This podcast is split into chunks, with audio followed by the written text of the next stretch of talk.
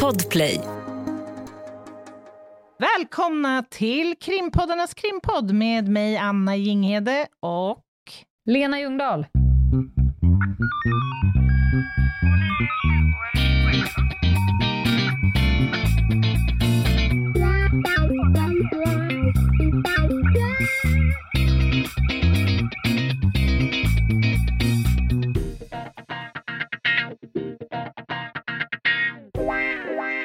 Satt den. Där satt den. Det är krimtorsdag, Anna. Åh, äntligen! Det känns bra. Är du i balans? Jag är inte i balans. Och eh, Nej. poddandet tycker jag tar mig till en fredad eh, zon på något sätt. Vad skönt! Ja, dels det, och sen tycker jag ju då det här temat som vi ska ägna oss åt, alltså i kris så blir jag ofta så här rationell, jag vill gärna läsa på om hotet så att säga. Mm. Jag vill lära Ja. mig mer och nu kommer jag få göra det. Mm.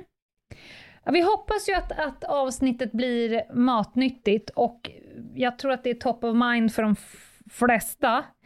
Eh, till vår hjälp så kommer vi ju ha en intervju efter pausen med en person som eh, kommer utbildad från försvaret. Det känns härligt tycker jag. Med en Ja. sån person. Det känns tryggt. Ja, men i vissa rum ska ju inte vi in och veva, utan vi bör ju gå till, till källan. Till källan, ja. Och, ja, och framförallt, eh, för jag tror att vi in och rota kanske i folks oro, rädslor nu, och då är det ju extra viktigt, och det här eh, trycker de ju ut nu, myndigheterna, det är extra viktigt att vi nu håller oss till balanserad, välinformerad och grundad fakta. Och då, Ja. vilka är vi om vi inte gör precis just det då? Ja, men jag tror att det är ju ingen underdrift att påstå att väldigt många eh, går omkring med krigsoro just nu. Mm. Och det är ju precis som du säger, jag håller med dig. Det bästa man kan göra i den situationen, det är ju faktiskt att, att eh, skaffa sig kunskap och hålla sig informerad om Mm. vad det här innebär. Och vad det innebär på kort och lång sikt och vad det innebär för mig som person, kanske som yrkesperson och ha en mental förberedelse. som vi har varit inne på så många gånger i Mm. denna podd. Målet med avsnittet är ju att när du har lyssnat klart så ska du ha lite bättre kläm på totalförsvar, civilt försvar, militärt försvar eh, och lite mer kunskap på de här ämnena. För att du och jag satt ju i bilen och sen så sa jag, kika lite på Magdalena Anderssons tal Mm. som hon höll där från Sagerska eh, som jag tyckte var jättebra. Balanserat. Mm. Men, men där nämner ju hon att nu är det dags att satsa ännu mer och ännu snabbare och tidigare på det så kallade totalförsvaret. Mm. Vid varenda fikabord, på varenda arbetsplats så börjar man diskutera NATO igen. NATOs varande eller icke-varande för Sverige. Mm. Eh, affärerna har sålt slut på vevradioapparater och va- vattendunkar och min bostadsrättsförening har börjat inventera skyddsrum. Detta tycker jag kändes helt osannolikt för ett par månader Ja, sedan. men alltså de, de här begreppen som du nämner, totalförsvar, civilförsvar, höjd beredskap, krigsplacering, allt det, skyddsrum. Herregud, Mm. vevradio, vem trodde att man skulle få ta det ordet i sin mun? Alltså det här är ju liksom en begreppsflora som vi inte känner till om man inte är född under efterkrigstiden. Alltså det här är ju nytt för de flesta av oss, skulle jag vilja Mm. påstå. Så det är en omställning i samhället som, som blir påtaglig nu. Och som vi kan göra så smidig som möjligt, Ja, tillsammans. och, och varför vi just tog då Ternlund, som vi ska intervjua efter pausen, det är för att han själv, vet jag, efterfrågar liksom en bred folklig förståelse och förankring Mm. för att det så kallade totalförsvaret ska kunna göra en snabb och bra uppbyggnad. Men den ska inte baseras på folks rädsla Precis. utan kunskap. Och någonstans där fann ju vi varandra, för vi är inte så mycket för de här konspiratorikerna och eh, för att den, den paralyserande rädslan är inte framåtskridande för någon. Det hjälper inte. Nej. Nej. Jag håller med. Men om vi ska reda ut lite begrepp till att börja med och sen så får han fördjupa, men vad Mm. då som menas med totalförsvar? Och totalförsvar är ju en summa av det civila försvaret och det militära försvaret. Ja, men det är egentligen all verksamhet som krävs. All verksamhet Mm. som krävs för att mobilisera och för att förbereda Sverige för krig, förenklat. Mm. Och eh, är man inte inom försvaret så kommer man ju mest troligt inte bli involverad i det militära försvaret, utan i det civila försvaret. Och då finns det, jag skulle säga så här, det finns packat med information på MSBs hemsida och på krisinformation och så vidare. Och det är Mm. väl det här vi vill att man ska söka i de liksom bekräftade källorna. Mm. Det finns en jättebra film på MSBs hemsida som är liksom två minuter lång, som förklarar det här om krisberedskap och civilt försvar och sådär. Mm. Men det finns också två bibbor man kan läsa. Är man lite mer intresserad så kan man läsa en som heter Totalförsvarspropositionen 2021 till 2025. En total, alltså en försvarspolitisk inriktning. Den är på 181 köttiga sidor. Wow.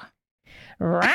Det finns också en som heter Handlingskraft, en handlingsplan för främjande av totalförsvar. 33 sidor. Och den skummade jag igenom och någonstans där så landade rätt mycket på lätter i Mm. mig, så jag skulle nog ladda in där Men jag skulle och säga att kika på den. Ja, alltså jag skulle säga att det finns ganska bra information där ute. Du nämnde MSB Mm. har ju mycket, jag tror Pliktverket har en del, eller i alla fall har haft lättillgänglig information. Alltså det finns ganska mycket bra där ute som Mm. man kan ta till sig. Och det är väl bra att vända sig till myndighetssidor då, hellre Ja. än Flashback. För att, var, för att vara pedagogen här nu då, så kommer jag göra en liten faktaruta här nu och beskriva vad målet är för det militära försvaret och vad målet är för det civila försvaret, som då Mm. tillsammans ska ge ett totalförsvar och förbereda för Sverige för krig. Är du Mm. beredd, Anna Jag är- Jinghede? Oerhört redo, ja. Vi börjar med det militära.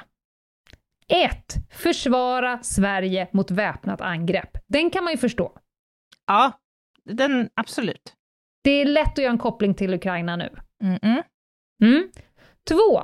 Hävda Sveriges territoriella integritet samt värna suveräna rättigheter, nationella intressen i Sverige och utanför Sverige i enlighet med internationell rätt. Den är också ganska lätt. Mm-mm. Det är militärens försvarsmål. Nummer tre. Främja vår säkerhet samt förebygga och hantera konflikter och krig genom att i fredstid genomföra operationer på vårt eget territorium och i närområdet samt delta i internationella fredsfrämjande insatser. Det här pågår ju och pågår alltid. Mm. Mm. Och nummer fyra, skydda samhället och dess funktionalitet genom att med befintlig förmåga och resurser bistå övriga samhället såväl i fred som vid höjd beredskap. Det där är ett Mm. begrepp som återkommer. Just det. Vi tar det också då, Ja, men det tycker jag. för att reda ut det. Och, och det är ju för att stärka landets försvarsförmåga så behöver eh, beredskapen höjas då och då. Och den kan vara antingen skärpt eller av högsta beredskap. Och Mm. det är då man kan mobilisera antingen hela totalförsvaret eller delar av det. Och om Sverige är i krigsfara eller råder eh, liksom, förhållanden eh, som är orsakade av krig ut, oj, utanför Sveriges gränser, då får regeringen besluta om skärpt eller högsta beredskap. Mm. Är det krig, då är det såklart högsta beredskap. Och då kan man då dra igång hela det här totalförsvaret som man i fredstid och lugn och ro bearbetar och nu bygger upp. Och enligt Magdalena, nu ska vi skynda på att bygga upp det lite till. På grund av så som det ser ut i världen. Just det. Mm. Och då går vi över på det civila försvarets förmåga och mål. Mm. 1. Värna civilbefolkningen.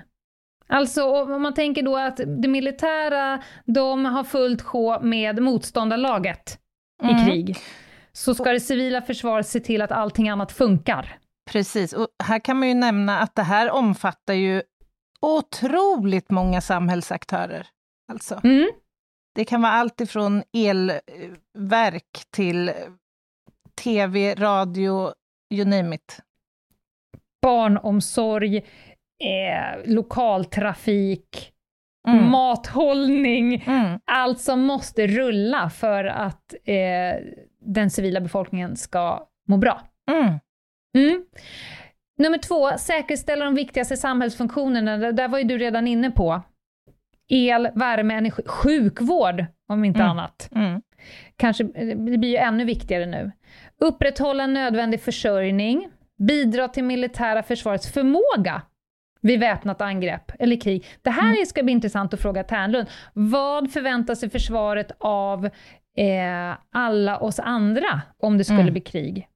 Just För nu är det ju framförallt kvinnor och barn som eh, flyr Ukraina och männen är kvar och, och ska då börja kriga. Människor mm. som aldrig någonsin har, har krigat. Exakt.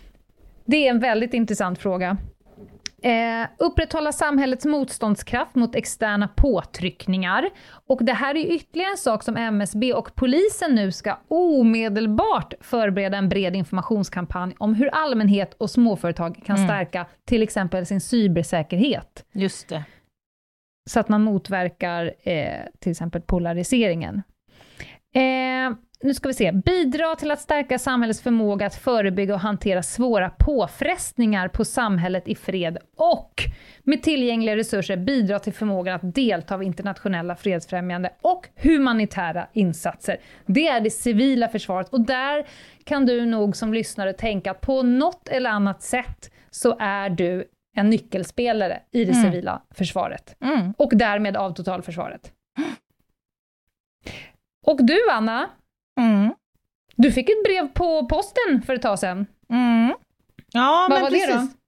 Ja, men det är ju det här med eh, krigsplacering. Det är ju många inom min egna, liksom andra myndigheter, som eh, har då så kallat krigsplacerats. Och det här handlar mm. ju om att myndigheterna vid då en eventuellt höjd beredskap ska kunna fortsätta bedriva sin verksamhet så långt som det bara liksom är möjligt. Och det här det är ju en skyldighet då att tjänstgöra vid mm. höjd beredskap. Jag har ju, var ju snubblande nära att faktiskt gå en militär karriärsväg. Jag mm. påbörjade mm. reservofficersprogrammet eh, precis när jag fick besked att jag hade kommit in på Polismyndigheten. Eller på eh, mm. polisutbildningen. Ja. Så att man funderar lite grann på hur det hade blivit om jag hade liksom fullföljt där och sen blivit polis?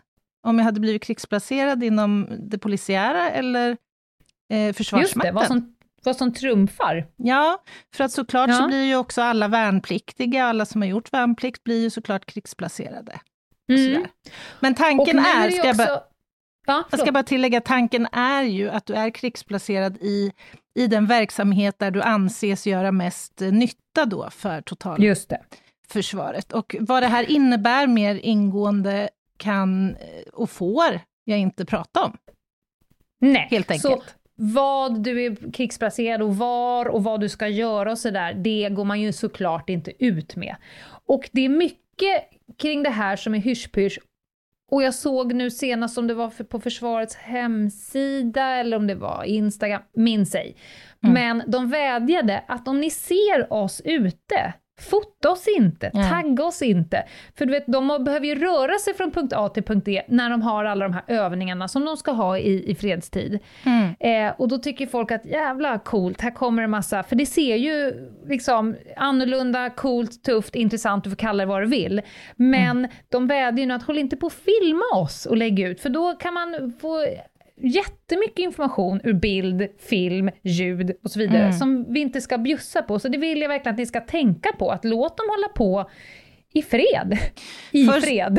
Förr så var ju den stora kampanjen för detta en svensk tiger. Nu ja. har man gått över till en svensk håller truten. Ja, det är roligt. Så det kan man ju ta med sig. Ja. Kort och, och du håller ju även truten kring din eh, krigsplacering. Jag vet också att det har varit total eh, ström till folk som anmäler sig till Hemvärnet Mm, nu. mm. Eh, och då får man ju information och sen så blir man intervjuad och sen får man eh, åka på såna här utbildningar och så vidare. Och så blir man krigsplacerad. Eh, och jag skulle säga så här, polisens krigsplacering, hemvärnets krigsplacering och sådär, det handlar ju återigen till stor del om mental förberedelse för att man snabbare ska vara Mm. på tårna och göra rätt sak vid rätt plats och faktiskt ha hunnit utbilda lite människor. Så Kanske ska du ta en funderare på vad du kan göra, och det här kommer vi också prata med honom om. Vad kan vi enskilda personer Mm. göra mer än att hålla oss informerade och se till att vi kan eh, ha liksom, mat och värme och sådär. Tänk dig, kommer du ihåg när MSB skickade ut sin broschyr, vad den var förlöjligad? Ja, ja, ja, ja, ja. Verkligen. Det var ingen och som tog... nej, där på och allvar. folk fnös åt Mm. det där. Och nu går man ju man ur huset som sig bör. Alltså du ska kunna, kanske inte jättetroligt att det är krig här om någon vecka, men det är inte helt osannolikt att eh, el och sånt där blir så dyrt eller försvinner innan man får igång det.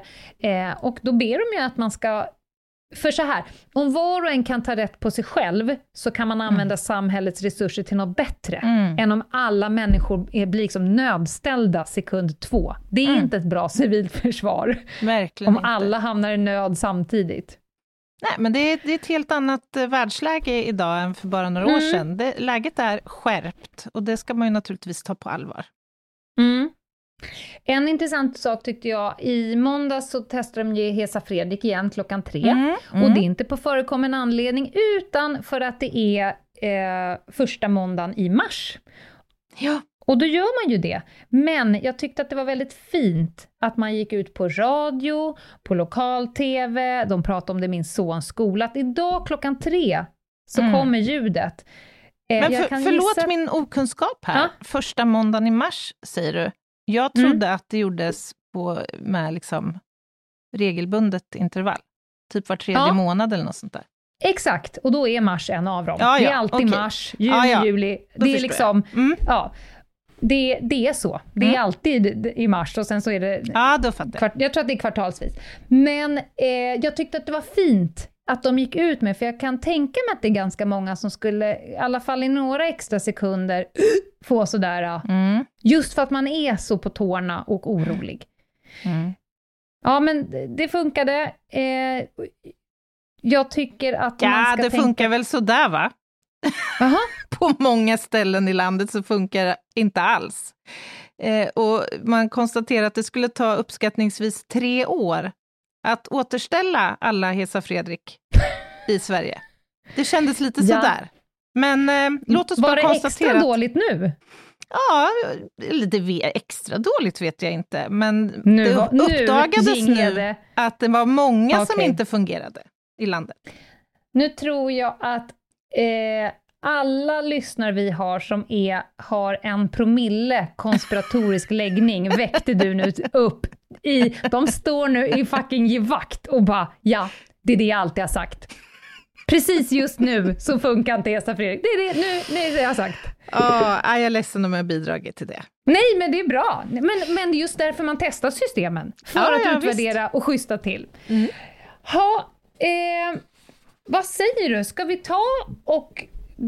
Det är väl ingen idé att vi sitter och vevar kring det här nu, utan vi, vi prackar på honom alla våra frågor. Jag tycker vi släpper in proffset. Men först en paus. Ett poddtips från Podplay. I podden Något Kaiko garanterar östgötarna Brutti och jag, Davva, dig en stor dos skratt. Där följer jag pladask för köttätandet igen. Man är lite som en jävla vampyr. Man har fått lite blodsmak och då måste man ha mer. Udda spaningar, fängslande anekdoter och en och annan arg rant.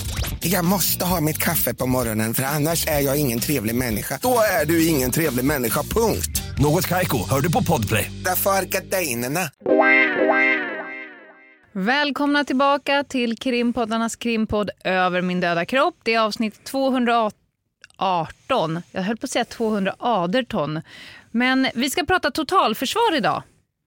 Igen. Och nu är vi ju tillbaka i studion hos Podplay och framför mig har jag en expert på ämnet. Jag ser redan nu att han får spända skinkor.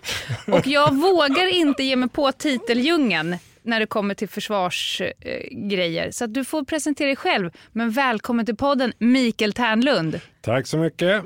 Ja, mitt namn är Mikael Ternlund och eh, jag har bakgrund inom, som yrkesofficer i försvaret. Gjorde 17 år, slutade som major 2005 när jag valde att åka utomlands och jobba för en privat säkerhetsfirma i Irak och Afghanistan under fem år. Mm-hmm. Och sen så efter det så har jag varit i svenska säkerhetsbranschen sedan 2010 och framåt. Vad, ja, vad kommer frågan nu. Ja, vad gjorde, vad gjorde du där då? Du var inte i Irak och Afghanistan från försvarets håll? utan... Nej, jag var där för en brittisk säkerhetsfirma som Aha. heter Global Strategy Group, så det är inte Blackwater, vilket Nej. alla förknippar direkt med. Då. Nej, men I Irak så skyddade vi eh, Bagdads flygplats mm. eh, och eh, i Afghanistan så hjälpte jag en amerikanskt NGO, ungefär som eh, Sida, fast ja. USA då, ja. då skulle vi hjälpa bönder att eh, odla annat än knark. Så vi hade knarklangare, talibaner och eh, faktiskt eftersom vi var utklädda som de lokala så fick vi även problem med de internationella styrkorna som tog oss för något annat. Oh, jösses. Så, ja. men det var fem Högriskoperation. Ja, men det kan man säga. Ja, fem du... år av mycket lärdomar. Ja, jag förstår. Nu eh, är du med i Världens bästa podd ja. av den anledningen att vi har valt ett ämne som är top of mind. Eh, innan pausen så försökte vi med ganska breda penslar förklara vad totalförsvar är. Men kvar sitter vi ändå med massa frågor. Vad gör egentligen försvaret? Vad gör vi andra om det blir krig? und so weiter. Där är vi. Mm. Du, du, har ju hört första halvan. Var vi liksom var vi rätt påt? Ja, men jag tycker ni var riktigt påt. Och lite grann som, för att återkoppla till det du sa, att på MSBs hemsida finns det ju enormt mycket mm. saker att hämta, mycket nyttigt. Mm. Och så lite roligt som du sa, är man lite intresserad så kan man läsa proppen, försvarsproppen. Ja. ja. då bör man nog vara väldigt intresserad om man ska läsa den. Då. Ja, det är torrt det är inte bara torrt, det, det, är, det är svårtolkat. Ja. Ja. Ja, men I alla fall så finns ju den här uh, skriften Handlingskraft som kom ut förra året mm. som Försvarsmakten och MSB har skrivit ihop. Då bör man vara lite mer intresserad tycker jag, för det är ändå rätt mycket att läsa. Mm. Men däremot, är man bara så här, ja, men nyfiken på, jag måste veta mer, ja, men gå in på MSBs hemsida. För det mm. är enkelt och det finns korta filmer och det står mm. så här, ja, men företagare, tänk på de här sakerna, privatperson, tänk på det här myndigheter och så vidare. Jag tycker mm. den är riktigt bra. Men jag tycker ni var rätt pott, Skönt. rakt igenom. Ja, jag kommer nu till min första fråga och det är varför står Magdalena Andersson och säger i ett tal att vi måste schyssta till totalförsvaret och vi måste göra det nu och vi måste skynda på takten. Det får ju mig att känna så här, varför har vi inte gjort det tidigare? Och så. Var, hur, varför säger hon så just nu, mer än att det är krig i Ukraina? Ja, men jag tror för att förstå vad vi är idag så måste vi titta lite bak i historia. Mm. Om jag ska vara lite historielärare på den nivån jag ligger på i det här. Då. Ja, men om vi kollar efter andra världskriget fram till kalla kriget slutade. Ja, vad blir det? Slutet eh, 80, början 90-tal mm. när muren föll, eh, Sovjetunionen kollapsade där i början av 90-talet. Då hade vi en av världens bästa beredskap, eller bästa totalförsvar. Mm. Vi hade olika myndigheter, alla var experter på sitt, alla hade en beredskap, allting var samövat, samtrimmat. Men då kom ju den eviga freden till världen, eller Europa framför allt. Och ja. eh, då la man ner det där. Eh, och det, visst, det fanns ett fåtal som jobbade med det här vidare framåt, men så sent som 2013 så hade vi en statsminister som sa att Försvarsmakten är ett särintresse då är det lite, du har inte medvind om du jobbar de här frågorna. Nu pratar du om Reinfeldt. Ja, mm. det stämmer. Ja. Och, ja, men då har du inte medvind när du jobbar med de här frågorna. Nej. Eh, intressant sen, ett år senare, 2014, så anföll, eller anföll, invaderade Ryssland Krim. Mm. Och då börjar det bli svårt för de styrande att förneka att det faktiskt finns kanske en hotbild ändå mm. ute i världen. Om man tittar historiskt sett så bör man kanske redan ska vi säga 2008, eh, kriget i Georgien. Mm. Där borde man kanske börja titta. Okay. Men Eh, eh, Pratar vi om too little too late nu eller? Är det det? Ja, men lite så faktiskt. Men okay. däremot så måste jag säga att sen 2014 och egentligen 2015 fattade man beslut att bygga upp totalförsvaret igen. Mm. Och det har ju faktiskt hänt mycket, även fast vi som vanliga medborgare inte har tänkt på det. Vad är det som har hänt? Ja, men ta, du sa, sa själv det, den här eh, broschyren som kom ut 2018 om krig kommer alla skratta och häckla den. Ja. Ja, men någon har ju drivit ett arbete sedan 2018 på faktiskt börja förbereda oss. Är det inte lite lustigt att folk häcklade skiten ur den här broschyren då, men sen kom toapappergate i pandemin? ja, men faktiskt. Ja, men så här, Alltså, och det är lite grann det så här, som jag brukar säga, vi måste ha lite kunskap så att vi inte skapar panik. ja, för det har ju du sagt att du vill ju ha en bred och folklig förankring för att, för att hjälpa till med uppbyggnaden av totalförsvaret, men att den inte ska bygga på rädsla. Va, vad ska folkets eh, ingång i det här bygga på? Är det den mentala förberedelsen igen eller? Ja, men lite den faktiskt. Och, ja, men självklart ska det vara det här. Eh, Men om du skapar, har rädsla, då skapar det panik. Panik Ja. blir kaos och så blir det då alla springer och köper toapapper. Eller, Pannkaka och alltihop. ja, men det blir fel. Ja. Och jag tror det beror på att man, eh, dess, ju fler som förstår vad som händer, varför det händer och när det händer, Mm. så blir det lite lugnare. Och jag tror att det viktigaste om vi ska nå dit, så är det, det är inte att vi ska skicka alla svenskar på en eh, ABF-kurs nu, liksom, att nu ska ni lära om, to, eller om totalförsvaret. Nej. Nej men rätt människor, alltså någon som har kunskap och kan prata så folk förstår. Lite grann det här gamla talesättet, prata till bönder på bönders vis.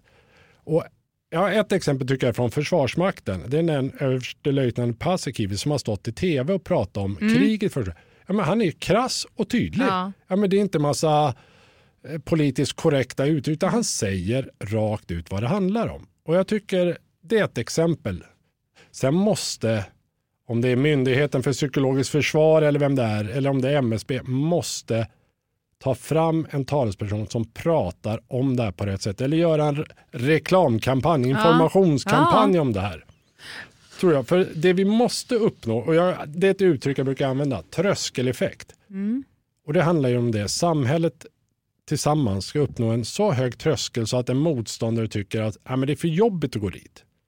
Om vi kopplar till Ukraina så ja, men där hade man ju inte insett hur stor den där tröskeln var utan man har ju sparkat tårna rakt in i den. Det går ju lite segt. Ja. Men sen är det så, ja, men, med, mot en så stor motståndare så kommer den stora motståndaren till slut att trampa ner tröskeln så att den inte finns. Så är det absolut.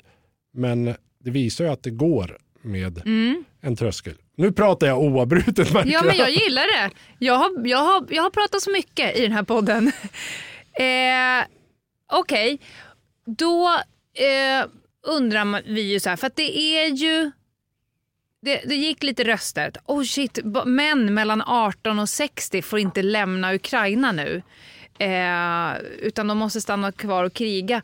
Gud vad skönt att vi bor i Sverige. Och då börjar man ju fundera på så här... Eh, det är väl inte jättestor skillnad här? Om det nu skulle bli krig här. Vem, vem ska göra vad om det blir krig här? Vad, vad kan vi förvänta oss ute i stugorna? Ska man, får man ut en, en instruktionsfilm till Molotov cocktails någonstans vid fredagstacosen? Eller hur går det här till? Ja du, den MSB-filmen skulle jag vilja se. Ja. Nej men eh, skämt kopplat till just den här frågan, för den förstår jag att den är intressant. Ja. Liksom, vem är skyldig att göra vad? Ja, Och där finns det eh, faktiskt någonting som heter totalförsvarsplikt. Och Ja. det är också lite intressant. Den klubbades 1994. Så någon tänkte ju redan där att det måste ju finnas någon regel vem som ska göra vad om någonting händer. ja. Och då finns det egentligen tre stycken kategorier. Du kan vara beordrad att göra civilplikt Mm. eller värnplikt. De två upp, då måste du vara uttagen och utbildad. Så det är ju liksom, de är redan öronmärkta, de är Ja. placerade där. Eller så finns det någonting som heter totalförsvarsplikt. Och det är för alla som bor i Sverige. Behöver inte vara svensk medborgare. Det måste du vara på civilplikt och Ja, värnplikt. Men det är två. du är bosatt i Sverige mellan 16 år eller 70 år. Mellan 16 och 70 Mm. så kan du bli beordrad att göra saker. Och det är inte könsbundet. Så Nej, det är nej, inte nej, så att männen ska alla. stanna och kvinnorna ska eh, åka iväg och vispa välling. Nej, Nej. Du kan eh, bli beordrad att gå in och stötta i barnomsorg. Du kan Ja. bli beordrad eh, om du har sjukvårdsutbildning att Mm. jobba i ambulans. Eller du måste röja upp på gator. Eller du ska, eh, ja inte vet För att jag. få civilsamhället att på något sätt funka och vara en understöd till de som håller på Exakt. att bekämpa. Ja men exakt. Och det tyckte jag, för den där har jag funderat lite på, så det var faktiskt bara för några veckor sedan som jag faktiskt gick in och tog reda på Ja. vad är det för ålder? Det var säkert samtidigt som de började med det där i Ukraina. Liksom. För jag tror för givet att det var som förr, ja men alla är ju placerade, men om man tittar då, då hade vi en försvarsmakt på närmare en miljon människor. Ja, men det har vi inte idag. Vad gör försvaret idag? Idag, Ja, Ja, men det här, om vi tar Försvarsmakten består av ungefär 50 000 människor på daglig basis som är aktiva. Liksom. ja. Och då skulle jag säga hälften av dem är hemvärn.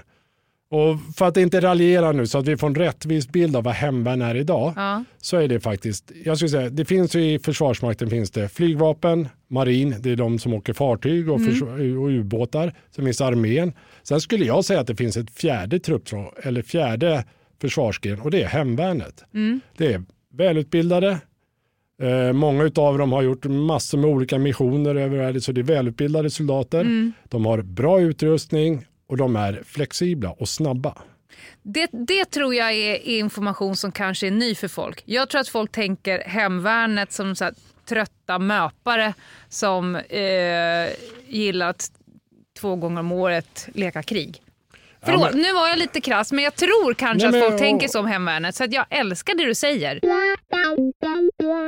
Ja, men som jag sa, hemvärnet idag är ett modernt truppslag. Eh, det bästa med dem är ju det att eh, de verkar ju i närheten av där de bor. De har lokalkännedom. Och det har ju visat sig i alla krig. Den som kan terrängen bäst är ju den som oftast manövrerar bäst på slagfältet. Ja. Sen har hemvärnet en styrka i att jag tror de brukar säga att det är 6, 24, 90 har de som siffror. På sex timmar ska de kunna gå upp en viss typ av beredskap. På sex timmar ska man ha en hyfsat grundberedskap igång. På 24 timmar ska de vara fullt aktiva och sen ska de orka jobba i 90 dagar. Det är Så det- otroligt. Ja, men det är faktiskt det. Och det är någonting som faktiskt fungerar 365 dagar om året.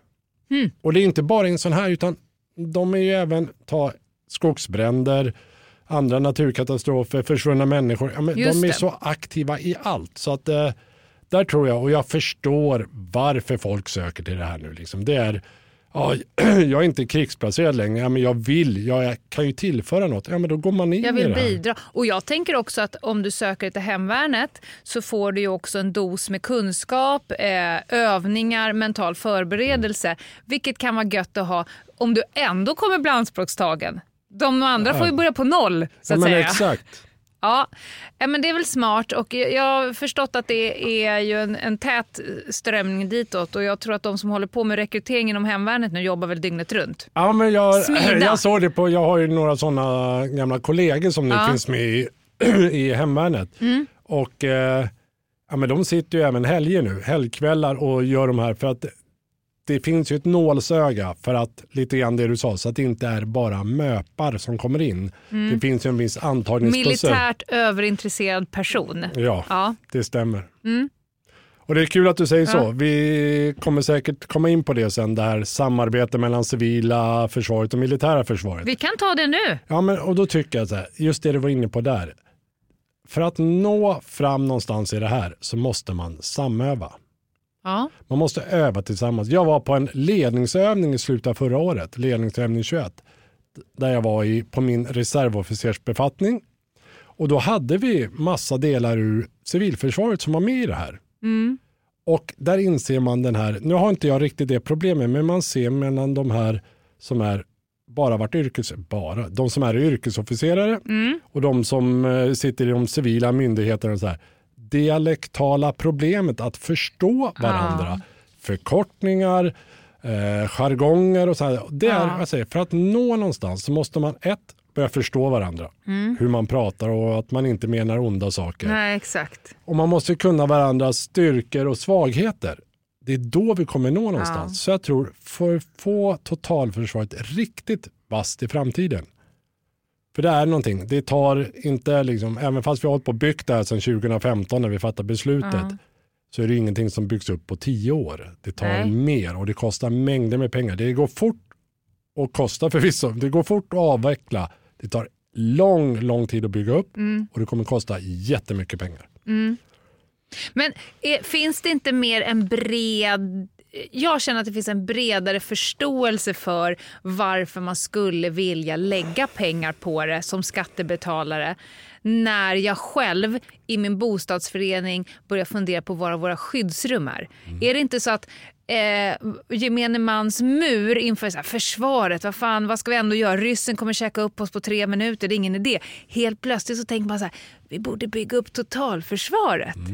Men det är intressant här. Eh, Alltså politiskt borde det vara lättare att trycka till försvar. Alltså, Ja men det är det ju. Det Ja. märks ju i alla diskussioner just nu. Mm. Ja, men, eh, det är samma sak som tempot just nu. Går ja, men ta beslut, man fattar beslut att skicka pansarskott till Ukraina. Ja. Det var ju inte någon långbänk. Det togs ju, Nej. tog det några få dygn så hade man fattat beslut och så var de på plats. ja, det var någon som sprattlade en stund men det gick över. Ja, det gick över. Ja. Eh, men det är ju samma sak som faktiskt i förra veckan så gav regeringen MSB uppgiften att se över vad kan man göra, vilka åtgärder kan man vidta för att stärka förmågan i det civila försvaret redan under 2022. Den, Och det är ju nu alltså. Ja, den uppgiften fick de i förra veckan. Den ska Ja. redovisas på fredag den här veckan. Och då ser man så här, nu jobbar vi i korta tidscyklar. Ja. Då kan man tycka, ja men det är inte seriöst. Jo men det är seriöst, för någon har byggt den här organisationen under längre tid. Så 2018 så fick myndigheter och organisationer uppgiften att en gång per år rapportera till MSB vad de har gjort och vad de har planerat att göra. Ja, de börjar ju inte på noll Nej, och ska och klara den på fredag. rapporten i år Ja. var första gången man rapporterade in den. Och den skulle vara inrapporterad februari i år. Så att de har det senaste underlaget. Så egentligen, de har haft en vecka på sig att ta det underlaget, läsa igenom, fastställa och köra. Ja. Så att det är inte en orealistisk uppgift. Men Nej. det intressanta är, och samtidigt så vet jag att Magdalena Andersson, Andersson gick ut igår och eh, ska göra en eh, ny säkerhetspolitisk analys utav läget. Mm. Var är vi någonstans? Eh, Fungerar de försvarsöverenskommelser vi har nu eller behöver vi något annat? Vem gör den? Ja, men den tror jag sitter faktiskt i de olika politiska partierna tillför Ja. resurser.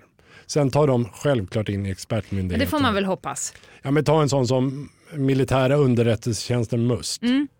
Eh, De, eh, så sent som i februari, eller januari i år under Folk och Försvar, så det var, om man lyssnar på det nu så kan man nästan säga att de beskrev det som har hänt i Ukraina. Mm. Fast det går inte att säga då att det kommer att hända, men om man tittar i backspegeln Mm. nu så de är ju spot on faktiskt. Ja, då får man väl hoppas att deras kunskap kommer. Ja, men det kommer den ju Ja. garanterat. Jaha, Ja, men det är samma sak som eh, Totalförsvarets forskningsinstitut. Ja, FOI. FOI ja. Titta nu slängde du ur med en förkortning. äsch då. Nej, men de gick ut 2014 med fyra olika scenarion. Ja. Som, och det skickade de till MSB och MSB skickade vidare för det skulle vara planeringsunderlag för det civila försvaret. Eller för totalförsvaret egentligen. Ja. Planera mot de här fyra scenarierna så att inte alla planerar åt olika håll. På Gotland planerar man på ett sätt och i norra Sverige på ett annat. Då fick man fyra underlag. Det kompletterades 2018 med ett femte scenario. Och där måste jag faktiskt läsa lite för det Ja. tycker jag är rätt intressant. Så här. I det scenariot så drabbar ett oroande händelseförlopp Sverige och flera grannländer. Den diplomatiska retoriken blir allt hårdare, propaganda och desinformation sprids, ransomware-attacker inträffar och främmande makts underrättelseverksamhet ökar. Är vi där nu? Jag skulle säga det är ju som att lägga ett sånt här äh, papper rakt på Ja, och, och, bara det skrev de skiten. 2018. Ja. Så de, det är så här, jag Man- tror, du sa, nämnde det också, man ska ju kanske lyssna på MSB och andra Mm. myndigheter vad det är som händer och vara lite källkritisk så man inte sprider rykten Ja. om saker och ting. Och jag menar, här är ju någon faktiskt som har forskat framåt, tagit fram, ja men det här är ett tänkbart scenario 2018, skickar ut det och det stämmer ju exakt ja, just de är ju på't. Ja, men- och det, känns ju bra för det, oss Ja, andra. men det håller jag med om. Det känns jättebra att Ja. veta att någon annan har faktiskt tänkt åt Ja. oss. Nu behöver vi bara hjälpa till att få det här i hamn. Ja, det, det är liksom inte en, en djup förvåning över Nej. det som sker just nu, utan det, det var ett tänkbart scenario Mm. och därmed eh, så har ju förberedelserna någonstans börjat. Ja, En sak som jag kan få lite smärre panik över är ju, jag har många gånger i den här podden uttryckt mitt förakt till Homo sapiens, alltså att det i fulla fan att folk är så dumma i huvudet ofta. Om man då läser, jag är ju en av alla de nu som nyhetsknarkar just nu. På ett, på ett ja du är inte ensam. Nej, nej, men alltså jag kommer på mig själv och bör- jag måste ha det senaste. Och då när man tittar flödet så, alltså människor, du vet, nej, nej, eh, Ryssland har gått in i Ukraina för att hjälpa dem och befria dem. Och de är, man bara, men hur, hur ska vi kunna nå ut? Nu kan vi ju bara eh, ta ansvar för eh, vårt land. Men hur fan ska man liksom motverka den här desinformationen? Och eh, jag vet ju att man i skolan idag läser källkritik i fan varje ämne, till skillnad från när vi var små. När man eh, gjorde skolarbete på Veckorevyn typ, och tyckte att det var en bra källa. Hur, hur, hur ska vi nå ut? V- är, vem är talespersonen? Vem har liksom täckning på kontot för att säga som det är? För att vad man än säger så säger folk så att nej, det är fake news. Jag, jag tror eh, det man ska lyssna på är Mm. myndigheter. Ja, Eh, MSB, Försvarsmakten, Myndigheten för psykologiskt försvar är ju en av de som ska Ja. jobba med det. De fick ju en riktig duvning här för någon vecka sedan när det började gå rykten om att svenska myndigheter kidnappar muslimska barn. Och Ja. så. Ja, men, och, så de har fått en rivstart för de startade ju januari i år. Startade den myndigheten. Mm. hopp och lek blev det. Ja, och- Jobba. Ja, och eh, när de börjar få ordning på den, ja men då startar det här. Mm. De tror jag har en stor roll. Ja. Och framförallt ska det bli intressant att se vad är det som MSB återrapporterar på fredag. Vad kan göras nu och var ska pengarna läggas? Ja, det blir väldigt intressant. Ja, men, och, det tycker jag, och där tror jag att man är transparent med det. Ja, men det är det här det ska fokuseras på. Öppet, att man går ut med det. Det är det här vi kommer att göra. För då kan gemene medborgare jobba åt samma håll. Så man har en målbild tillsammans. Ditåt ska vi. Sen kommer det alltid finnas, och det är ju det som är tjusningen med en demokrati. Folk får tycka vad de vill. Man har rätt att göra det. Ja, absolut. Men, men det är nog en, för att jag hade en fråga till dig här, så här vad, vad kan vi alla göra för att dra ett strå till stacken? Och det är väl en sån där grej, att motverka desinformation, att vara källkritisk och hålla sig jävligt uppdaterad på ett balanserat sätt. Vad kan man mer göra? Ja, jag tycker så här, ja, men, eh, stötta olika frivilligorganisationer. Det är Ja. ju, alltså inte hemma utan det finns ju allt möjligt. Ja. Eh, Blå Stjärnan och alla möjliga. Liksom. Hitta någonting som du. Och är det inte så att nej men jag, det finns inget jag vill göra. Jag vill bara fokusera på mig själv. Mm. Ja, men var lite då proaktiv. Tänk lite omfallsplanering. Om det här händer, vad gör jag då? Hur kan jag se till att inte jag blir en belastning? Lite grann som du sa, sekund två Mm. så skriker jag efter hjälp. Ja, exakt. Nej, men jag kanske kan vänta att jag klarar mig tre dygn i alla fall ensam. Ja. Och det har inte bara med krig att göra. Jag tror, lite grann kopplat till det här typfall 5 som i USA, Mm. ja, men vi kommer få mängder med mer problem med IT och infrastrukturen. Det kommer bli strömavbrott, det kommer vara strul med betalmedel och sådana saker. Mm. Ja, men då måste du ju klara dig själv så att Ja. du inte blir ytterligare en belastning för de som ska göra verka i det stora, ta hand om patienter, ta hand om barn, göra massa annat. Att vi blir ytterligare en belastning i systemet. Det kanske är dags för oss att ha ett avsnitt. För innan har ju så här preppers har ju varit lite galen, de har fått galenstämpeln på sig. Såna här som... Kanske med all rätt ibland. Ja, kanske med all rätt. Men om vi, nu, om vi tar lite makten över, över begreppet att preparera sig. Mm. Det är kanske ett, ett intressant avsnitt. Vad kan jag göra för att bli självgående i låt säga en vecka? Utan Mm. el, utan swish, utan bensin. Det är ett intressant avsnitt Ja, för att inte vara en belastning för de som behöver bekämpa motståndarlaget. Ja, exakt. Ja, men, och jag tror det. Liksom. Och det handlar inte om att vara prepper, det handlar om att vara förberedd. Ja. Jag tror, om man ser det så, nu, nu kan inte jag säga att jag är någon superföredöme. Ja, jo, vi skulle klara oss kanske upp till en vecka Mm. med att äta det vi har i skafferiet, eh, tror jag. Men vi skulle ju äta typ det vi äter vanligtvis ändå. Så att det inte är liksom vi tar fram torrmaten och sitter vid ett spritkök och alltså, gör. Ja, men om, vi ska, om jag ska vara personlig. Vi har ju liksom ett torp i Dalarna mm. där vi har levt varje sommar och där finns det ingen el. Det finns mm. ingen vatten. Så vi säger så här, det är så lätt för oss att åka dit. För vi har brunn, vi har sjö, vi har hela systemet uppbyggt på att sjö, klara sig utan allt det där. Utan enda vi behöver är en jordkällare. Den får vi bygga i år. Då har vi maten också.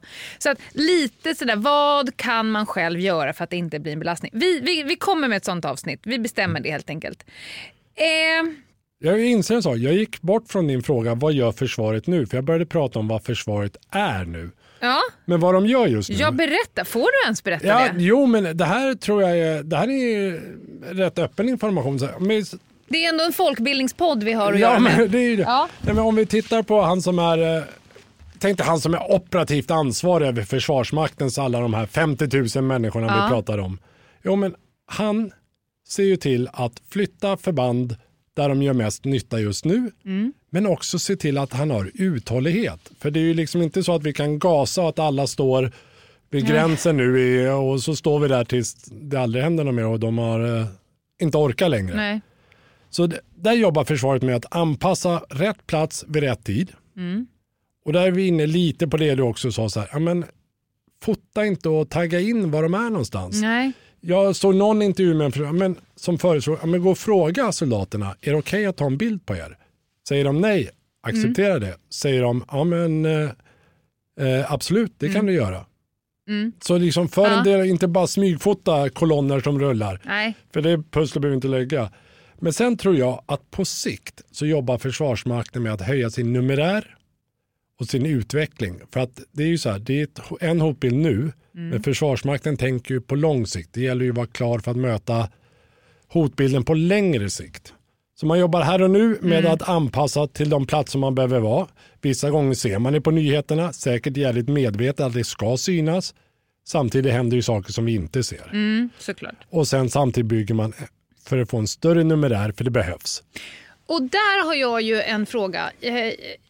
Min bonusson ville ju gärna göra värnplikten. Mm. Och är hel och ren och frisk och allt vad det nu är. Han borde vara rimlig. Nej, fanns inte plats för det. Han fick inte. Är det ett sätt att öka på numerären? Att faktiskt låta människor som vill göra värnplikten göra det? Ja, men, det kan, men samtidigt så finns det ett visst antal utbildningsplattformar. Ja.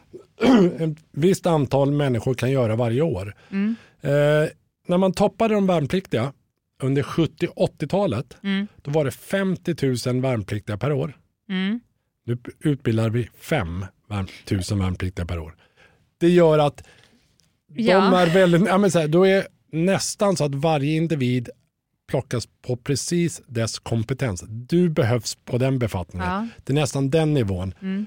Men eh, jag, skulle inte, jag kan inte svara riktigt, men det är väl eh, Plikt och prövningsverket som kan svara ja. på sådana frågor. Och jag vet faktiskt inte varför man inte låter alla som vill göra. Och det kanske är för att det inte finns utbildningsplatser. Nej, men, men hur urvalet sker, det vet jag faktiskt inte. Men man kan ju tänka sig att om försvaret vill öka på sin numerär så finns det ju i alla fall saker att göra då. Ja, ja men jag säger så. Ja. Det är absolut. Nu ska man upprätta flera förband, ja. vilket gör att det kommer ju öka antal eh, värnpliktiga varje år. Mm. Och jag tror att det är vägen fram. Mm. Men samtidigt så behöver vi ha det vi har nu med de här 50 000 människorna som till vardags mm. jobbar i försvaret. Ja. För då har du den här första tröskeln mm. att sätta in. Mm. För det är ju så, när du sätter mobilisering, alltså att alla värnpliktiga ska in, ja, men det, då pratar vi en vecka innan de är igång. För de ska ju ta sig någonstans, de ska ja. utrustas, de ska fräschas upp och sen mm. kunna användas. De, vad gör de här 50 000 människorna i fredstid? Mer än att planerar? Nej, men det, det det övas, det ja. hålls beredskap, det genomförs internationella insatser. Mm. Eh, och i de här 50 000 så hälften är ju hemvärn. Så de har ju sina vanliga jobb. Ja, just det. Och sen mm. så kan de gå in och göra försvarssaker när det är någon beordrar dem. Jag kommer till lite kanske mera svåra, kniviga, känsliga frågor på slutet som du kan få svara på som privatperson. Mm. Alltså inte som reservmajor Tärnlund. Är det din titel? Ja, jag säger reservofficer och major i graden. Ja. Okay, mm. ja, mm.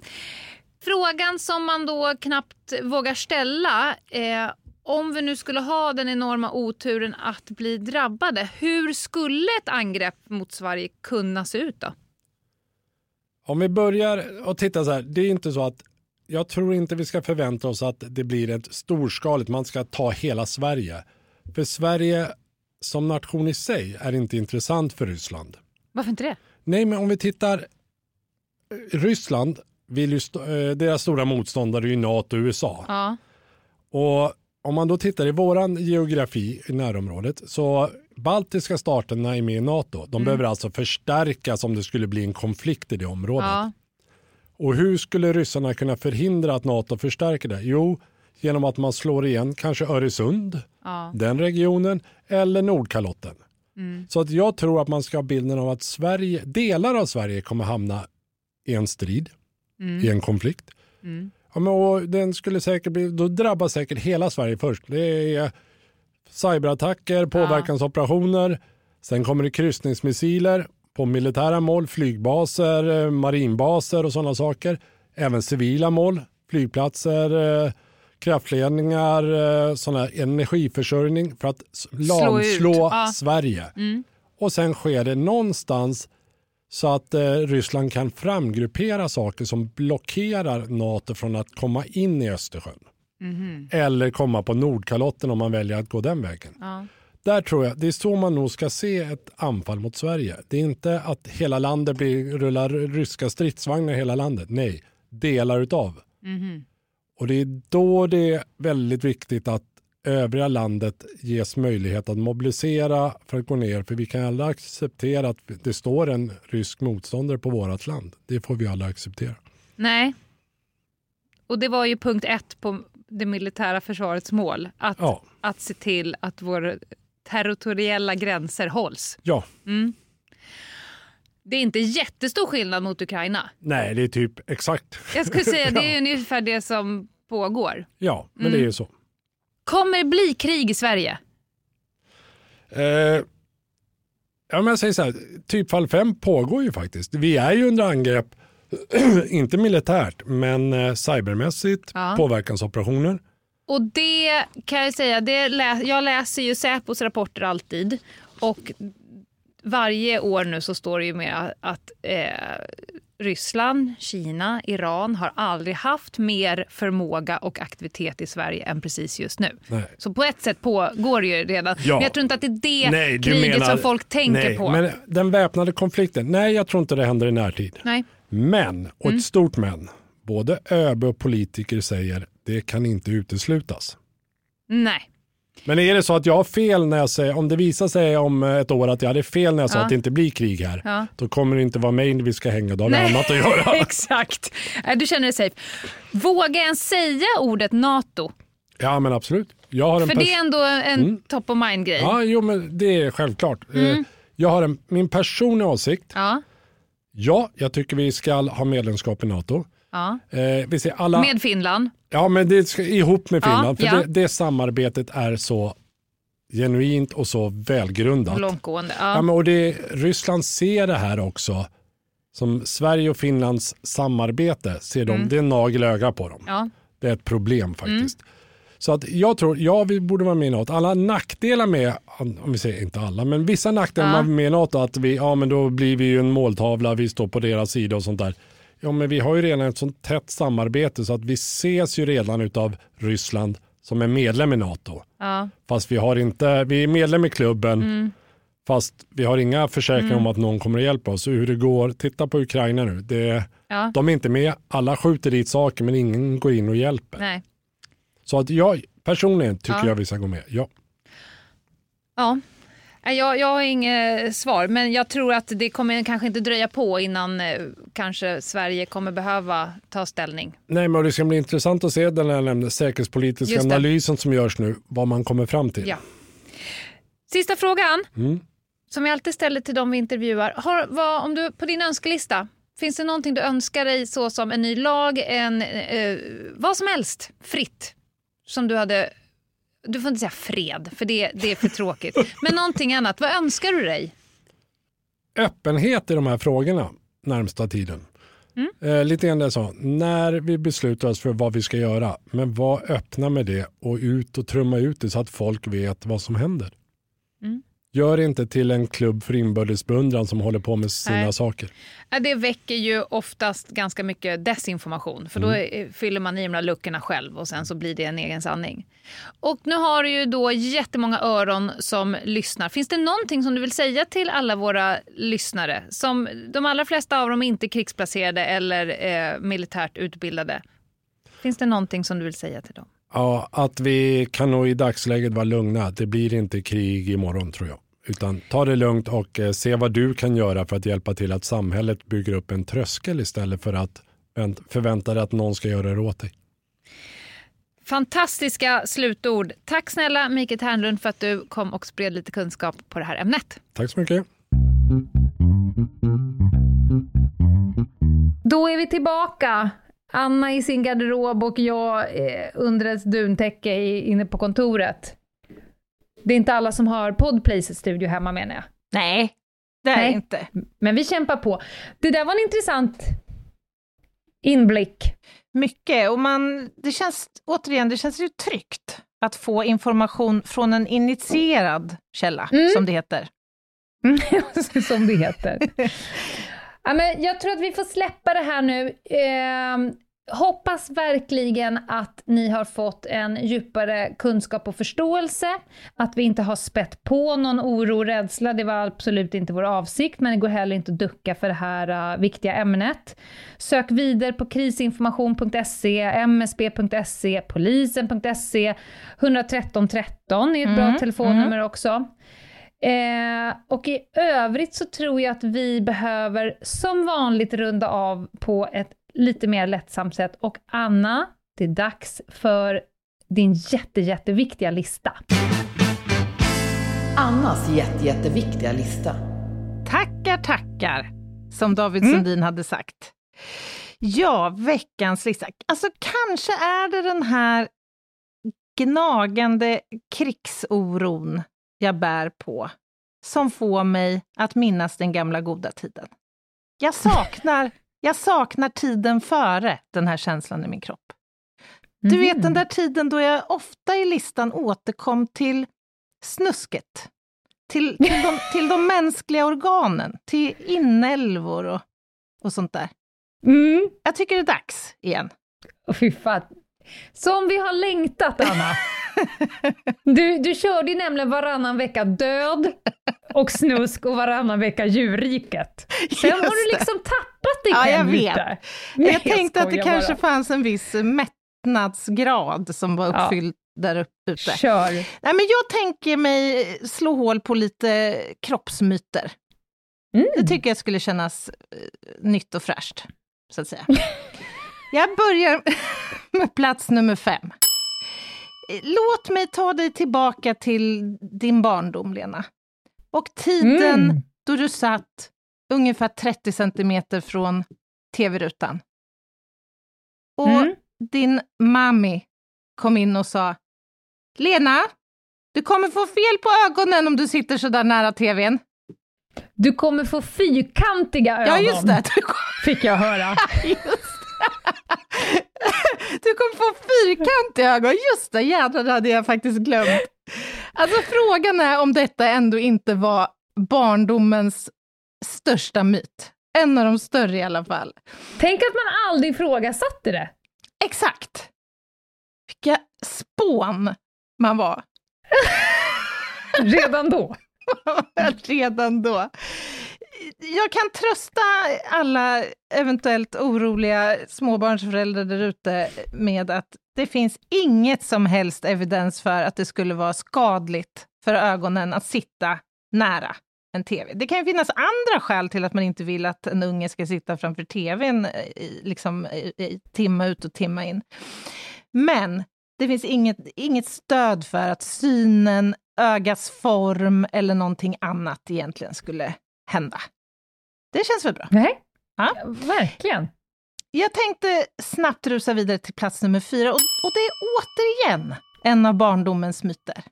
Det, har du någon som du kan tänka dig? Ja, ja. ja, ja jag har två. Okej, låt höra. Ät inte gul snö. Ja, just det, men det var Eller väl ingen inte myt egentligen. Nej, Det, men, men ät, det jag skulle säga är... eller du kanske... Jag är inte klar! Jag håller på och bygger upp! Okej, okej. Ja, jag ger mig till tåls. Ja, exakt. Du tror att jag tänkte att då var det nu, men nu har jag börjat.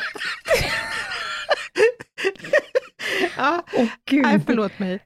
Alltså, det börjar ju med ät inte gul snö, men sen så, men sen så fick man också läsa ät inte snö alls, för då kan du få mask i magen. Just det, just det. Ja, den bommade. Nej, jag tänkte mer på en myt som, som handlar om att du står där i din lilla rosa volangbaddräkt med armpuffar på, på armarna och Ja. eh, mami kommer ut och säger nej, hjärtat, du får inte bada nu, du har ju precis ätit. Ja, det var min andra. Okej, Då får du kramp mitt i sjön och dör. precis. Du måste Ja. vänta minst 30 minuter. Och det där var ju ett jävla sätt bara för de vuxna att få ta en gubbtuta. Ja, Det förstår man ju. ja. Och argumentet då, varför Mm. man skulle få kramp, jo, det var för att allt blod du har, dina tre liter eller vad ett barn har, det kommer gå direkt nu efter din varmkorv med bröd, så kommer det gå direkt till magen och bearbeta korven, så kommer du inte ha något blod ute i musklerna när du hoppar i. när du hoppar i poolen. Alltså det är så dumt. Det här är ju så... Alltså tänk dig själv. Det vore ju jävligt märkligt om Moder Natur inte hade tänkt på det här. Förstå själv, du ska fly från en tiger på savannen. Du ja. hoppar i spat, får kramp och drunknar för Ja, att du har suttit och men- gnagt på ett revbensspjäll en kvart tidigare. Men! Lite sant är det. Jaha, För därav kommer begreppet cold feet, att man blir trött och drar, att man får cold feet. Alltså när amygdala slår till så, så vandrar lite mera blod in i, i hjärta-lungpaket och stora muskelgrupper och du får ja, så. men Lena, vi pratar Men- ju inte om något ultraswim över öppet hav här nu. Nej, vi pratar ju jag om att plaska omkring. mer blod i, i magen än om du inte är jagad av en tiger. Därav begreppet cold feet. Ja, jag fattar, jag fattar. Det kommer där. Men jag, jag har du också en jätte, jätte då, eh, stort fel i hela din story. Jaha. Låt höra. Jag fick inte ha en rosa dräkt med volang. Nej. Jag gick på barnballett. Alla barnen hade rosa dräkt med volang. Lena hade en utan volang i bajsbrun plysch. Förstår du? Just plysch verkar ju vara ett kanonmaterial för en baddräkt. Nej, ballett sa jag! ja, men vad fan, Inte pra- vattenballett! vi pratar ju om att bada här nu. Ja, jag fick inte ha någon volang då heller. Nähä, okej. Jag hade badbyxa, vilket jag i och för sig gillade.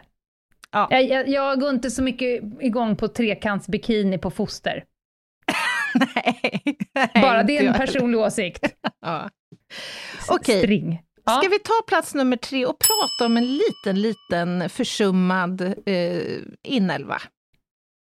Den lilla, Ja. Det lilla bihanget. Lilla appendix. Aha. Den lilla ja, ja, ja, blindtarmen. blindis. Blindis, ja. Mm. Lilla blindis. Alltså I årtionden, kanske århundraden, så har vi trott att den där lilla jäveln inte fyller någon som helst funktion. Att den egentligen bara har till uppgift att ställa till ett helvete för någon Ja. person när den brister. Ja. Men det här är inte sant. Nähä. Nej, nej. Här har, har man Är det vänt. hjärnan som sitter där egentligen? Ja, precis. Nej, men här har det forskats. Jaha. Alltså, blindtarmen kan spela en jätteviktig roll, menar man, för immunförsvaret. Dels så Mhm. fungerar den som någon form av reservutrymme för bakterier som är, kan vara superviktiga för oss. Som kan hjälpa oss liksom, att bekämpa infektioner. Mhm. Då pratas det bland annat om maginfluensa och diarré och sånt. Trevligt.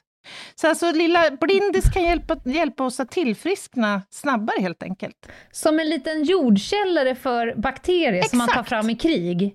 Exakt. Är det liksom MSBs lagerlokal? Precis, du kan jämföra med Appendix. att ha pengar på banken, en visdomstand kvar i käken, alltså allt sånt här som kan vara bra att ha en vacker dag. Lite Vä- så. vä- vä- vänta! Vä- Vänta! Jo, du hörde rätt. Du, du jämförde precis pengar på banken och att ha kvar en visdomstand Ja, men- i käften för att den kan vara bra att ha. Ja, Har du visdomstanden... någon gång känt så här i någon situation, du står på banken, du ska precis ta fram din plånbok så här, fan också, jag har dåligt cashflow, men jag har en visdomstand. Det jag Den- menar är att det är en resurs som du har där, som du kanske inte har användning för varje dag, men när du väl behöver den, då är den bra att ha. Men när behöver man Ja, en men visdomstand? Visdomstanden har också ett oförtjänt dåligt Förutom rykte. när du ska identifiera mig när jag är rutten. Ja, när förvisso. annars har du haft nytta av en vis? Ja. Jag har nämligen tagit bort fyra, jag saknar dem inte nämnvärt. Nej, då får vi ju vara glada att du har kvar de övriga 28 tänderna, för det hade varit jädrigt trist om det vore tvärtom. Då hade du nog varit glad för de där små pliggarna där bak. Ja, men jag är helt tom fram och bara fyra längst bak. Ja. Jag vet fan inte om det hade gjort mig lyckligare, Anna. Jag tror fan inte det. Jag är ledsen alltså, Ah, du har okej. tunn. Här är du tunn. Ja. Ja, i alla fall så tycker jag att det är lite intressant att, att få veta att den, den fyller en viss Absolut. funktion. Visste inte. Plats nummer två, och nu ska vi prata lite grann om mormors... Eh, Vänta, jag måste backa ett steg. Ja, Lite som du säger att folk tror att man har latent likmask i sig som Ja, sen just det. blommar ut. Ja. Så är det ganska roligt med begreppet “har du fått blindtarmen?” just det. Det är också ett roligt begrepp. Som att det var så här, nu finns det lite, och där fick jag blindtarmen. Ja, jag, är, jag är blindtarmen. Jag är, okej, nu kan du få gå vidare. Ja, för jag är lite ivrig nu att få guida dig igenom en liten slemguide. Alltså vi ska Mm. prata om mormors gröna hosta. Mormors framfall trodde jag skulle säga, men it's kind of the same. Nej men du vet det här mukösa, det här som snyts ut ur näsan. Eller för Ja. den delen spottas eh, och harklas upp i munnen, åker runt några varv och sen Jollras runt. jollras runt och antingen sen sväljs ner eller eh, spottas ut. Du vet hur det är när du snyter ut det där gröna, då tänker du oj, nu har jag fått en allvarlig bakteriell infektion. Det tror jag många tänker. Eller när Mm. ungen kommer hem från förskolan med en grön elva nedanför snoken. Oj, Nej, oj, men det oj, kommer inte hända alltså. nu är det fara och färde, nu är det Mm. infektion på gång. Snor, snor är en jag har väldigt svårt för snor. Mm, mm. Aldrig haft ett snorigt barn, alltså jag, jag river runt där tills, tills Ja. fan läppen har Just det. Det är försvunnit. hellre. disktrasan och det... Ja. Vad som helst. kan ta någon gammal gatsten. Snorskiten ska bort alltså. Ja, men det här är lite mytomspunnet alltså. Mång, många gör en koppling mellan grönt snor och eh, infektion, men också att det smittar. Mm. Att man, nu ska vi Mhm. verkligen ta det försiktigt. Och snor har vi ju alltid, mer eller mindre. Ja, du har ju- alltid efter 2030. Just det, det brukar vara min så att säga, snorbonanza som träder in då. Eh, Mm. Och färgen och, och konsistensen eh, varierar över tid. Mm. beroende på då liksom vad som händer i, i kroppen. Och att det är grönt, det behöver inte nödvändigtvis betyda att man har fått en infektion som är orsakad av eh, bakterier. Eh, när man blir förkyld så brukar ju snoret först vara ganska tunt och faktiskt genomskinligt, men kan sen då ändra sig lite. Eh, får man bjuda på en liten snorguide här? Jag bara sitter så här, vart är fanskapet på väg? Nej, men så, jag tänker att det här kan vara bildande. Det är ju en folkbildande Jaha. podd vi har. Alltså det Ja, ja, ja, ja. genomskinliga Vi snoret, tar vårt an- samhällsansvar nu menar du? det gör vi. Ja, kör. Det genomskinliga snoret är helt normalt. Det består av till största del vatten, proteiner, en del antikroppar och lite saltämnen och, och sådär.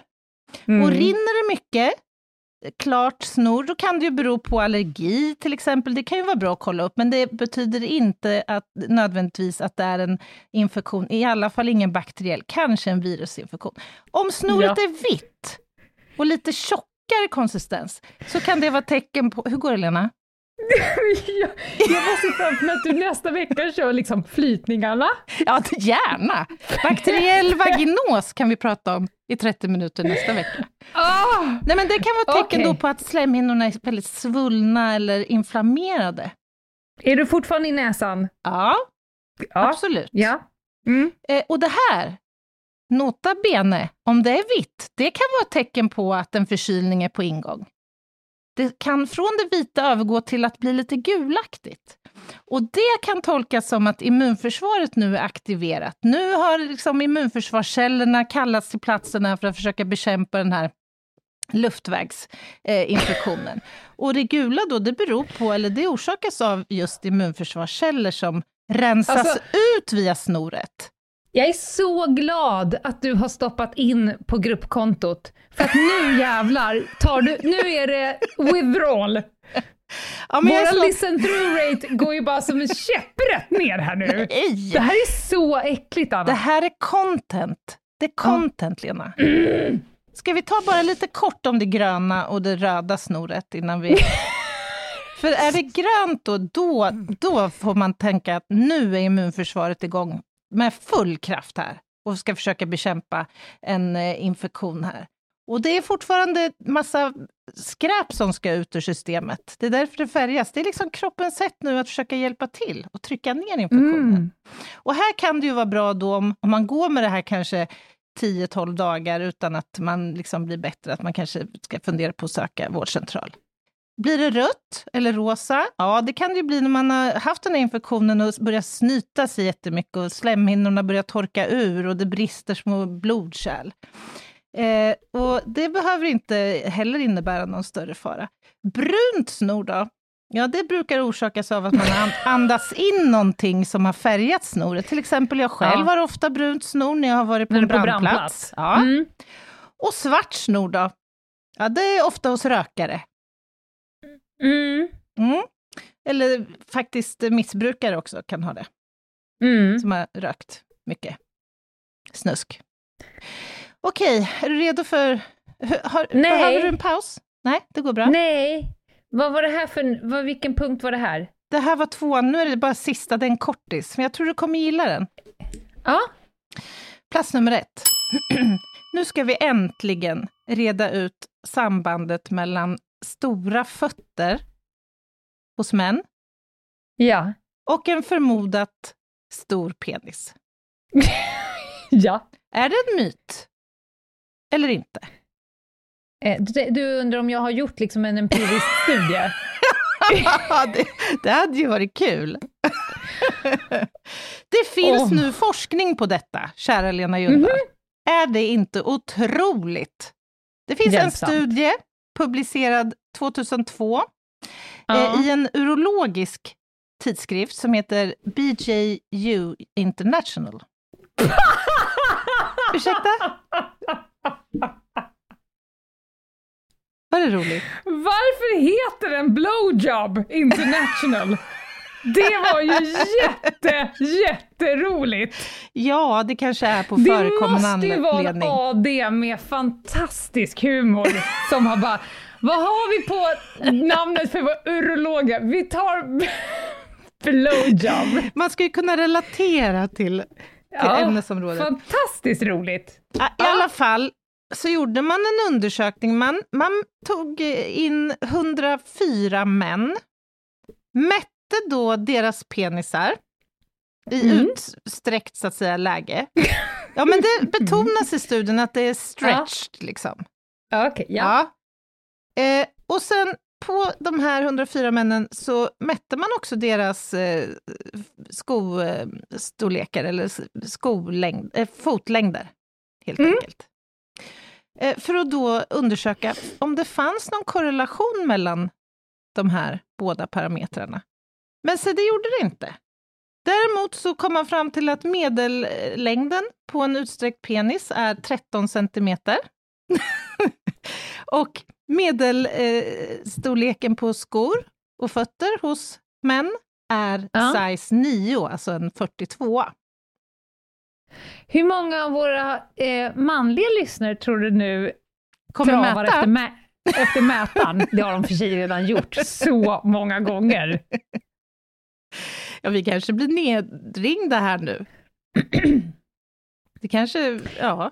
Det, hade ju, det är nästan skönt att du kom fram till det, för att annars om du hade kommit fram till att det liksom var så, ja, hade då hade ju sen alla damer behövt gå runt med en måttstock i handväskan och sen vid något tillfälle liksom smygit ner och mätt skon.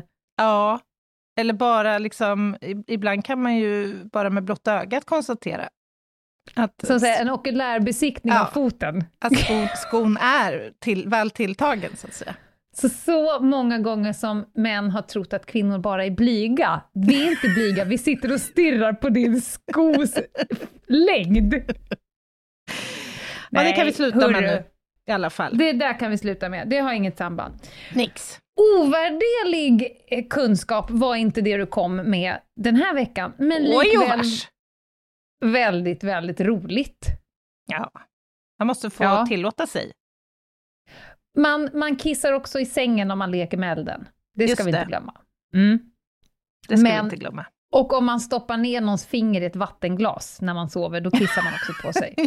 ja. Varsågod och testa. Man ska inte heller väcka någon som går i sömnen och så vidare. Det finns mycket på det här temat som vi Mm. skulle kunna jobba vidare med. Vi ser fram emot detta. Mm. Eh, till på måndag så tycker jag att ni kan gå in på alla de här myndighetssidorna. Glöm inte bort att vi också haft ett seriöst del av det här avsnittet. Ni kan också gå in på vår Instagram, Ljungdahl och Jinghede, eller mejla oss på hej ljungdahlochginghede.se. Och så går ni in på All Things Live och klickar till er några livepodsbiljetter. Vi är nu klara med planeringen av livepodden. Ja, lite optimistiskt sagt så skulle det kunna formuleras så. Vi är nu klara med planeringen av livepodden. Take two! Åh gud, jag fick astma direkt. Nej, du fick grönt snor. Sådär ja, då hörs vi på måndag allihopa. Det gör vi. Ha det Ha fint. Bye! Bye.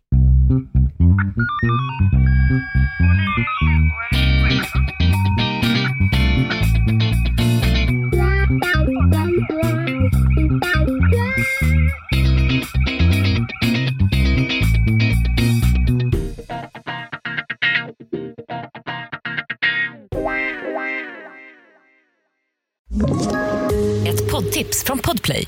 I podden Något Kaiko garanterar östgötarna Brutti och jag, Davva, dig en stor dos skratt. Där följer jag pladask för köttätandet igen. Man är lite som en jävla vampyr. Man har fått lite blodsmak och då måste man ha mer. Udda spaningar, fängslande anekdoter och en och annan arg rant. Jag måste ha mitt kaffe på morgonen för annars är jag ingen trevlig människa. Då är du ingen trevlig människa, punkt. Något Kaiko, hör du på Podplay. Därför är gardinerna.